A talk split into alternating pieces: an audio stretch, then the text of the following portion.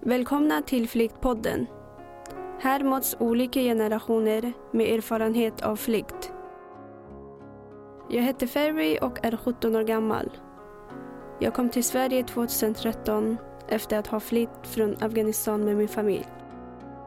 Den som tycker eh, är liten för att göra skillnad har aldrig sovit i ett rum med en mygga.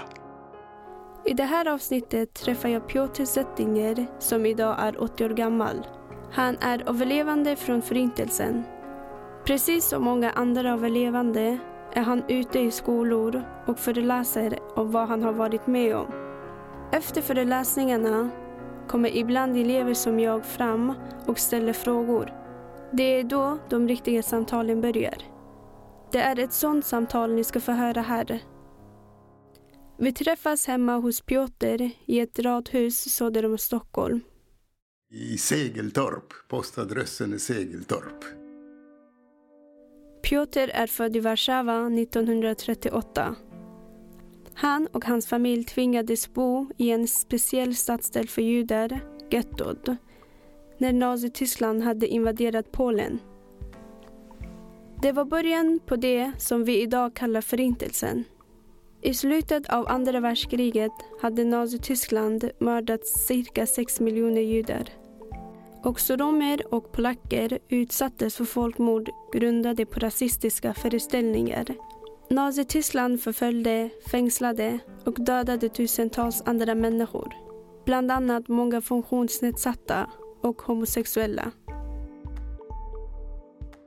Mitt möte med Piotr börjar med att han berättar sin historia för mig. Jag föddes 1930 år på, på våren. Sen kom kriget till oss. Vi hamnade i gettot i Warszawa. Jag flydde från, från, från gettot när jag var om, omkring fyra, fyra och halv utan mina föräldrar. Efter att familjen levt några år i gettot började tyskarna deportera judarna till förintelseläger. Piotrs föräldrar förstår att den enda chansen för honom att överleva är att fly från gettot. En hemlig organisation smugglade honom och andra barn genom kloakerna under stadens gator. Då var Piotr fyra år gammal. Kvar i gettot fanns hela hans familj. Efter att han hade bott hos nunnor på landet hamnade han till sist på ett större barnhem i ett kloster. Han levde då med ett nytt efternamn och ingen fick veta att han hade judisk bakgrund. Det kunde innebära döden för honom och de som gömde honom. Jag vet inte om det var en bra tid i mitt liv, men jag i alla fall var väl omhändertagen. Jag var aldrig hungrig, vad jag minns. Och, och det var lugnt på så sätt att att tyska soldater eller inga andra egentligen som jag kunde vara rädd för kom på klostrets område, så vi var väl, väl skyddade. Det, det är bara när vi gick eh, eh till en, en eh, närmast liggande kyrka i närmast liggande samhälle som vi fick vara utanför klostret. Och då hände ibland att jag hörde tyska röster, alltså soldater som patrullerade och då blev jag livsrädd naturligtvis. Då var jag bara övertygad att de är där för att, för att eh, ta mig. Det var lite tråkigt typ för mig. Det var jag så, så, så eh, rädd för, för bråk och konflikter. Och eh, jag lärde mig under min tid efter flykten att det viktigaste för mig är att inte väcka uppmärksamhet. Att, att vara så liten som möjligt, så tyst som möjligt. Och det fortsatte även där. Jag blev direkt efter, efter flykten från, från eh, gettot då, då, lärde, då lärde jag mig att, att jag låtsades vara ett, ett eh, polsk-katolskt barn. Så, så jag lärde mig de nedärvda bönerna och jag fick falsk, eh, falsk namn, alltså falsk identitet. Och, eh, och jag lärde mig också, det sa de till mig, att på ett ställe minns jag att aldrig, aldrig med ett ord berätta någonting om, om, eh, om min historia, om mina föräldrar, om getto, om flykten. Så, så jag var eh, någon annan. Och det, det, det, det fortsatte. När jag har lyssnat på Piotrs historia så delar jag med mig av min. Jag och min familj tillhör folkgruppen hazarer. Det är en folkgrupp som utgör 10-15 procent av befolkningen i Afghanistan. De har genom historien blivit diskriminerade och förföljda av olika makthavare och extremister. Det beror framför allt på att hazarerna ofta är shia-muslimer till skillnad från majoriteten av Afghanistans befolkning som är sunnimuslimer. När jag var sju år hade talibanerna blivit starka i regionen där vi bodde. De hotade att ta mina bröder för att skicka dem till att kriga. Mamma, jag och mina sju syskon gick till fots och åkte inklämda allihop i samma minibuss. Vi tog oss till grannlandet Iran. Min äldre bror hade försvunnit och vi visste inte om han levde eller var död. När vi kom fram till Iran fick vi bo i en källare hos några vi lärt känna under flykten. Men livet i Iran blev inte så som vi hade tänkt oss. I Iran gillade man inte heller afghaner. Afghanernas situation var inte så jättebra i Iran. De fick inte gå till skolan om de inte hade pass. De fick inte, de fick inte göra något. De, de bara bodde där. Och eh, när vi var i Iran så blev vi retade och det var för att vi, hade, vi pratade inte på samma sätt. Vårt språk var annorlunda. Vi hade inte samma klädstil. Och eh, ja, vi, vi såg lite efterblivna ut. Eh, enligt dem. För att vi hade klänningar på oss och det brukar man ha i Afghanistan. Eh, vardagliga klänningar. Men i Iran så tydligen behövde man byta kläder när man gick ut. Och uh, de retade oss för att vi, enligt dem så var vi lite smutsiga. Men uh, vi, vi duschade ändå en gång per vecka. Men enligt dem så såg vi lite smutsiga ut, omoderna, efterblivna och ingen ville hänga med oss. Vi fick inte gå till skolan, vi kunde inte prata persiska. Ja, det, det finns vissa, vissa, vissa liknelser. Ja. Det, det, det, det avgörande skillnaden för mig mm. det var att, att, att, äh, att min familj var mycket förpolskad. Alltså vi, var mm. som, vi levde som polacker. Ingen kunde se på våra kläder och på mm. vårt språk att vi, mm. att vi inte är polacker. Va? Men ändå Eh, att vara, att vara en judisk pojke. För det, det, det, det var livsfarligt var på, mm. på den, utanför gettot. Så, så vi fick gömma. Mm. Vi fick verkligen gömma oss. Ja. För att inte, och inte avslöja vem vi var. Ja. Det har ju... För att skulle det avslöjas, ja. Ja, då, då... då var det slut. Ja. Ja. Vi, alla visste ju att vi var afghaner, ja. i skillnad från din story. Ja. Mm. Piotr och jag har gemensamt att vi båda skildes från familjemedlemmar under flykten. Jag vet, jag vet min mammas historia. Alltså hon, hon, hon befriades. Hon var inte i Auschwitz, men hon var en sån eh, tvångsarbetare. I, i, i, arbetade i en eh, tysk ammunitionsfabrik eh, som polska. Hon gömde sig också. Eh, och hon, hon var befriad samma dag som Auschwitz. Den 27 januari 45. Sen tog, hon visste ingenting om mig. Var jag fanns, om jag fanns, vad jag hette. Men, så det tog henne tid att hitta mig, säg två, tre veckor. Så det var mitten av februari, mitt i vintern. Ja, jag minns den dagen därför att vi lekte på gården. Det var en så vacker, vacker vinterdag. Och eh, Ja, det, var, det var alltså eh, fem, sex månader efter kriget tog slut. Det hände att, att, att det kom folk och hämtade sina barn där, men ingen kom för att hämta mig. Va? Så det, det var mitt hem, det förstod jag. Här, det är mitt hem, det är min familj. Och, och den där syster Gertrud, hon, hon kom till på, och ropade på mig och sa att din mamma... Vadå mamma? Jag har ingen mamma. Och jag såg den där kvinnan, jag fick gå in och såg den där kvinnan. Hon, liknade inte den bilden av min mamma som jag fortfarande hade någonstans där i bakhuvudet. Jag såg en gammal, gammal tät kvinna, gråhårig, alltså, klädd i såna gamla trasor. Och när hon såg mig då började hon gråta. Det, det kunde jag inte begripa varför.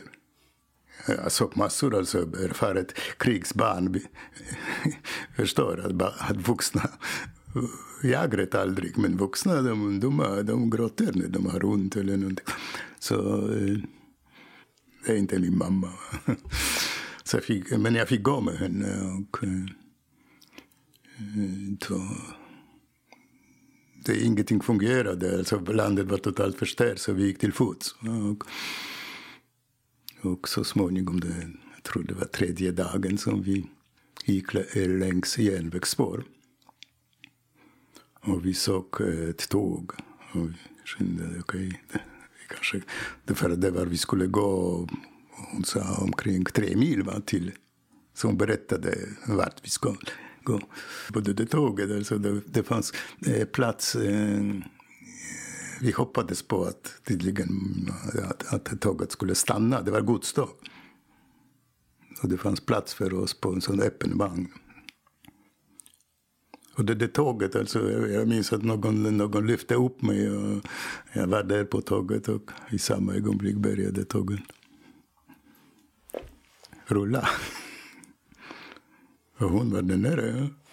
Och hon sprang efter, ropande, folk ropande. Men tåget fortsatte. Men, men jag var igen, alltså, jag minns att jag var som paralyserad. Folk skrek stoppa tåget, stoppa. Jag stod paralyserad. Ja, nu är jag igen på väg någonstans. Mm. Bland främmande människor. Men efter några hundra meter stå, eh, eh, stannade tåget och hon kom. Hon kom till mig igen och omfamnade mig och började gråta igen. På något sätt öppnade, öppnade det vägen till hennes gråt. Och jag började också gråta. För, kanske för första gången efter flykten. Verkligen började jag också gråta om det var bara eh, klocka för mig. ja, det är bra att ha mamma va? när man är sju år gammal. Så det, det måste vara min mamma. Ja. Och sen dess var hon min mamma.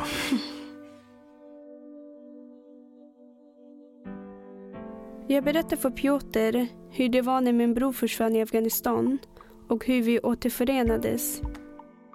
När min bror försvann så var det, jag blev jätteledsen såklart.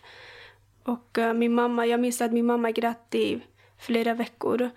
Hon bad varje dag. Hon, för att, ja, hon kunde inte göra något annat. Hon kunde inte gå ut för att leta efter honom. Kvinnor kunde inte gå ut och inte heller män. Så det enda hon kunde göra var att be, be till Gud. Och uh, vi trodde att hon var, han var död. Vi trodde att talibanerna tog honom, han började kriga och sen dog han. Mm, så vi, vi var hopplösa när vi kom till Iran. Jag var jättenära min storebror. Vi brukade alltid skoja och skoja med varandra så det var lite svårt i början. Men sen började jag vänja mig. Efter ett år och halv i Iran så var det en högtid där vi alla gick. Det var en moské och vi, vi gick där. Då fick min mamma träffa en... Det var en kvinna uh, som hon kände igen. Och sen berättade hon om att uh, min bror var försvunnen. Och sen, ja, de började prata och sen pratade hon om sin son. Hennes son var i Europa, i Sverige. Och sen eh, efter det, det var några dagar efter och vi gick igen till eh, moskéet och då hade hon berättat, eh, kvinnan hade berättat till sin son om att uh, min, min bror var försvunnen. Och då hade den där killen berättat om... Ja, han hade frågat efter min bror. Och när han fick hans information så trodde han att han kände igen min bror. Han sa att ja, jag känner en liknande kille här som, som har samma historia. Och uh, jag har honom på Facebook. Så så han, han, eh, han hade sagt till sin mamma att ja, men jag kollar vidare på det så får jag se om det är han. Och uh, min mamma blev överlycklig när hon hade hört det. Mm. Så hon kunde inte vänta. Hon tog, ja, så efter det hade de kontakt tills uh, killen berättade. Uh, hon, han hade pratat med min bror och då insåg de att ja, det var min bror. Och han bodde i Sverige. Han var, han var, han var inte död. Men hur träffades ni här? Uh, han, han fixade. Han, hade, han, han fixade saker här och vi fick uppehållstillstånd. Okay. Hur, Jag vet inte. Hur, hur, lång tid har ni inte sett? Uh, det var ju ganska länge. I, han blev försvunnen i Afghanistan. Jag minns inte exakt vilken tid det var men jag tror, han blev försvunnen när, vi, när jag var sju år gammal tror jag. Ja. Och när ni återsågs då var det? Det var efter tre, fyra, tre, fyra år. Mm. När jag såg honom för första gången var det i, det var jättekonstigt. Det var en jättekonstig känsla. Jag visste att han var min bror. Men när jag såg honom för första gången, min mamma, hon, hon var ju enda första personen som gick fram och kramade honom. Så hon var överlycklig, hon började gråta och allt. Men eh, han, han, han, det kändes som att han var lite kall. Han visade inte så mycket känslor i början. Uh, han var lite kall. Han, det kändes som att han inte hade blivit lika glad. Men det var för att han, han hade en tuff situation i Sverige också. Han var utan oss i flera år här också.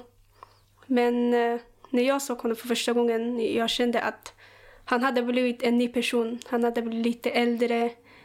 Man såg i hans ögon att han, hade, han var mogen. Han hade gått igenom mycket.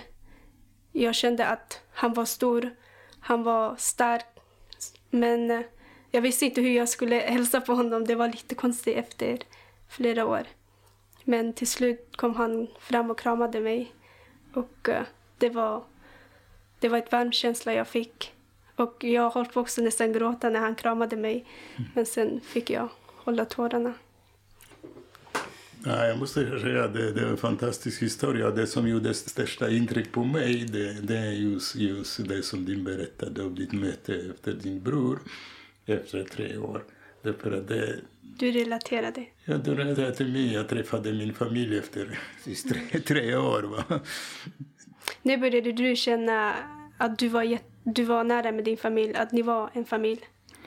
Ja, efter tre år på flykt mm. undan döden, bokstavligen undan döden bland främmande människor. Plötsligt mm. kom man hem efter skolan. Ja, vi började skolan mm. också direkt efter kriget. Alla.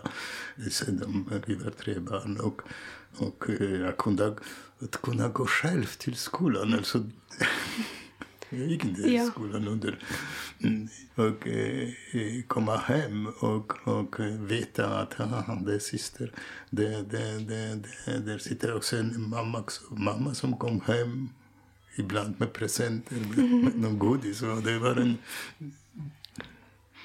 Och så du kände att det var mycket annorlunda än barnhemmen som du... Ja, det, det var en enorm, enorm ja. skillnad. Alltså. Dels att jag behövde inte vara rädd. Ja. Det släppte. Ja. Och jag, jag går själv till skolan. Ja. Och sen, och sen eh, jag kunde själv välja vilka jag ville eh, mm. leka med. Ja. Och inte de som, mm. som av slump hamnade på samma ja. barnhem. Ja, jag tycker också att identiteten har, har ganska stor roll. När man, när, eller när du fick träffa din familj då var du också dig själv. Man, man är inte lika rädd för att visa vem man är. Nej, jag, nu, nu, var jag, nu var jag jag. Och, ja. och den där, hon hette Elisabeth, hon var hon. Och Micha var Micha. Och, och hennes, deras mammor var deras ja. mammor som hade namn och som hade vanligt liv och inte ja. var klädda för mig. Min omgivning i nästan tre år, det var, det var nunnor klädda på ett speciellt sätt. Va? Det skiljer mer än 60 år mellan mig och Piotr. Och omständigheterna för vår flykt var väldigt olika. Men när vi pratar så märker vi att vi ändå har mycket gemensamt. att jag är född som en afghan och att jag bott i Afghanistan och sen flytt till Iran. Det har påverkat mig ganska mycket. För det första så fick jag inte gå till skolan eh, tills jag kom till Sverige. Men eh, det, det är ändå inte... Och jag, jag har möjligheter och förutsättningarna nu. Men till skillnad från andra som är född här så tycker jag att jag, jag är mer tacksam för de möjligheter och förutsättningar som jag har idag än andra. Jag försöker använda dem på bästa sätt som jag kan. Men andra som inte är, som, som är födda här, som inte har haft lika svårigheter som mig, så de tänker inte på det. De tänker inte på att de har värsta möjligheter här idag. De kan gå till skolan. Det är en, det är en jättestor möjlighet som alla andra i världen inte har. Men eh, jag tycker att jag tänker på sånt oftare och jag är mer tacksam över att jag är här idag. Och över att jag har de möjligheterna. Mm. Ja, men jag får säga jag ägnar väldigt mycket tid och, mm. och, eh, åt att, eh, just, ja, ja. att, att åka runt i skolor och berätta. Och det, är, det är inte för att, för att berätta min historia. Jag tycker mm. det, det, är inte så, så viktigt. Mm. Men, men att, att försöka få dem att förstå. Jag ställer så, hur ja. var det möjligt? Varför, varför ville man döda mig? Mm. Det, det måste man förstå. Ja. Och, och världen är som den är. Ja. Och samma, samma strömningar och samma idéer finns kvar. Mm. Och eh, hur kan vi försvara oss mot det? Jag tycker att i dagens samhälle så dömer man varandra jättesnabbt utan att eh, ens känna personen när man är här, när man har bra möjligheter, ett bra liv, då ska man försöka tänka från andra perspektiv också. Man ska inte döma andra mm, jättesnabbt, utan förstå, försöka att förstå personen, deras bakgrund, etnicitet och allt. Det, det är viktigt. Mm. Och sen att det viktiga är att man inte ska dra alla över en kam. Ja. En person kan inte representera ett land. Nej, det, det, jag vet, det är, till exempel jag är här ibland, jag är muslimer. Ja. Mm. Och när man, när, man, när man frågar, ja, känner du dem? Nej, jag känner inte en enda. Va? Men, mm. och, och, då minns jag, okej, okay, som man i Polen pratade mm. judar. Va? Det, mm. man såg inte människor utan ja. någon, någon, någon, någon, någon grupp. Mm. Som, som, som alla skulle vara identiska och, och, och hemska naturligtvis. Ja. Det, det, det försöker vi förmedla. Ja. Jag förstår mm. att de försöker förmedla och jag försöker förmedla det. Ja. Uh, vi har ju lite mer förståelse än alla andra. Vi det, har ju upplevt mm. lite krig. Alla har ju ett annat bakgrund. Alla har sina svårigheter. Men att uppleva krig och att behöva fly, det är något annat. Man, mm, ens ögon öppnas på ett annat sätt. Man börjar se saker och ting på, från ett annat håll och annat perspektiv. Mm. Så jag kan förstå att andra inte förstår oss lika bra. Det är, det är inte ett krav att andra ska förstå oss, men att man ska överhuvudtaget ha en liten förståelse över, över, ens, över ens handlingar. Och att exempel idag, jag, kan, jag kanske inte kan prata svenska jätteflytande eller jag kanske inte är på samma nivå som alla andra i skolan. Och ibland känns det som att jag drar ner mig själv men eh, jag kan inte kräva att andra ska förstå det, men eh, det är bra om man känner att ja, personen har en förståelse för, för eh, dina handlingar, för dig och, och hur du är idag. Jag tror att vi har också en bättre känsla för det som händer i världen. Därför jag tror de flesta som inte har upplevt krig mm. och förföljelse, alltså när de läser i tidningen eller ser på nyheterna, alltså någonting som heter i Iran eller i mm. Burma. Mm. Alltså de... det är inte vår sak, va? Ja. Och, och äh, ja, för, för mig är det min mm. sak. Jag, ja. Eh, jag vet hur det var. Ja, det är samma sak för mig. Mm. Ibland, det är fortfarande krig i Afghanistan. Det är värre än förr. Så när jag ser att det har blivit explosioner eller det har varit attacker så jag, när jag ser bilderna, jag, för det första så tackar jag, jag är tacksam över att då säger jag men jag var den som hade chans, jag hade tur att jag fick komma till Sverige, jag har ett bra liv här idag. Och jag tänker på de, som, på de barnen som är i Afghanistan och blir dödade eller är i fara. Så jag, jag, jag, jag föreställer mig om ett liv i Afghanistan om jag var där. Mm. Men oftast tackar jag Gud för att jag är här idag och har det bra. Ja. Men ja. ibland känner jag att jag har ett ansvar över att jag ska, nu när jag har det bra så ska jag göra något, göra en skillnad. För jag säger, men jag, jag, var, jag var en av de utvalda som hade tur och kom till ett tryggt land. Jag ska inte bara vara här och gå runt och göra ingenting.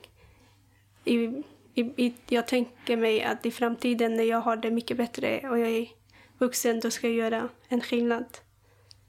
Hjälpa dem som behöver hjälp. Det är ungefär samma tankar som, som snurrar i, i, i mitt huvud. Och det är, det, jag vet att av, av, att av eh, 80 000 barn som fanns i gettot i Warszawa. Det är sådana mm. siffror. 80 000 barn bodde där under mm. olika tidsperioder. Överlevde ungefär 4 000, ett barn av 20. Mm.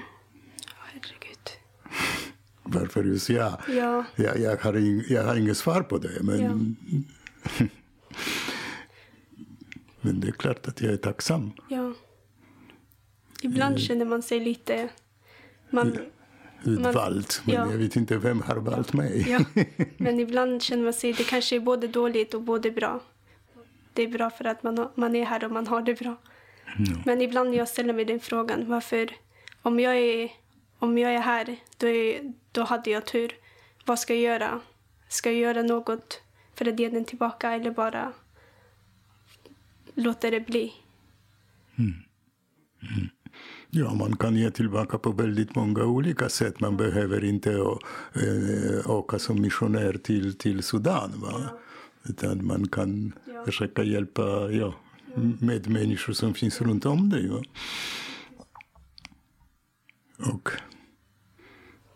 och försöka även i, i, i privata livet bekämpa de som som, som, som sprider, ja. som sprider uh, hat och mot, mm. mot, mot andra. Det, det, det, jag kan inte acceptera det. Mm. Men jag känner uh, sådana som gör det, även sådana som, som, som flyktingar, alltså som lämnade Polen. Mm. Men de är väldigt, det finns sådana som, som är hatiska mm. mot, uh, ja, mot till exempel muslimer. Ja. Va? Det, det, det, det är lite svårt att ha civilkurage just i samhället. ja, det, det äventyrar så att ja. säga mina, mina, mitt sällskapsliv. Så ja. Men, det gör skillnad. Bara att man vågar stå upp. Jag citerar en mening från en artikel, från, det läste jag någonstans, att Dalai Lama hade till danska eh, ledare han uttryckte det ungefär så. Den, den som tycker äh, äh, är för liten för att göra skillnad har aldrig sovit i ett rum med en mygga.